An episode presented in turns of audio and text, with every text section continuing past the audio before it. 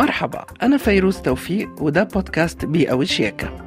بنحاول ندور على حلول بسيطة لمساعدة البيئة في الشفاء من الآثار الجانبية لحياتنا الاستهلاكية. تابعونا على موقع مونتي كارلو الدولية وتطبيقات البودكاست. شياكة الفينتج.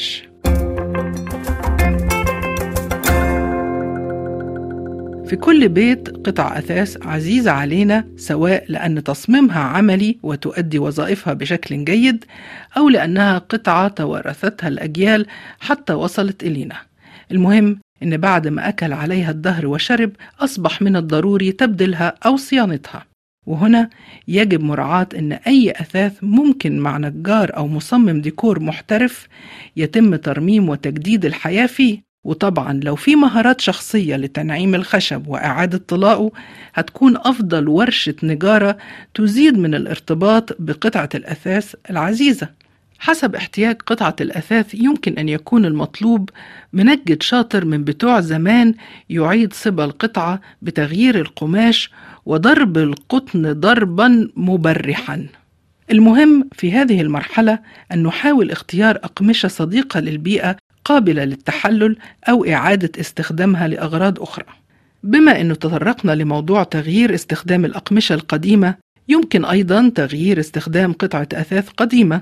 الأفكار كثيرة ممكن تكون مستوحاة من احتياجاتنا الشخصية أو بمساعدة خبير ديكور يتم تحويل طاولة قهوة كانت تستخدم بكثافة إلى طاولة جانبية أو في الركن عليها صور عائلية أو زريعة صغيرة أو تصبح في ركن القراءة تحمل كتاب أو اثنين. أيضا المكتبات العتيقة لو تهالكت ولا يمكن تجديدها فالأفضل تفكيكها واستخدام رفوفها معلقة مباشرة على الحائط بعد إعادة تنعيم وطلاء الرفوف. يعني كل شيء له حل بدون رمي أي قطعة أثاث. إلا في حالة عدم الرغبة في الاحتفاظ بها يمكن بيعها على مواقع الأثاث المستعمل أو إعطائها مجانا لجمعيات خيرية. هم يتولوا تجديدها وإعطائها لأشخاص غير قادرين على شراء أثاث جديد. على فكرة أصبح هناك في بلدان عديدة متخصصين في الأثاث ال vintage. يمكن أن يقوموا بإيجاد حلول لأي قطع قديمة. وأغلبهم عنده محل أو موقع على الإنترنت أو صفحة social media ممكن انتقاء قطعة استبدال. مفيش أعذار لتجديد البيت كله إذا لزم بدون رمي قطع أثاث قديمة أو عزيزة علينا. وبيظل دائما وأبدا ال vintage شيك.